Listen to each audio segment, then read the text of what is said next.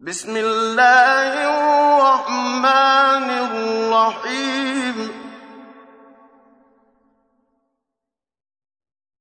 أرأيت الذي يكذب بالدين فذلك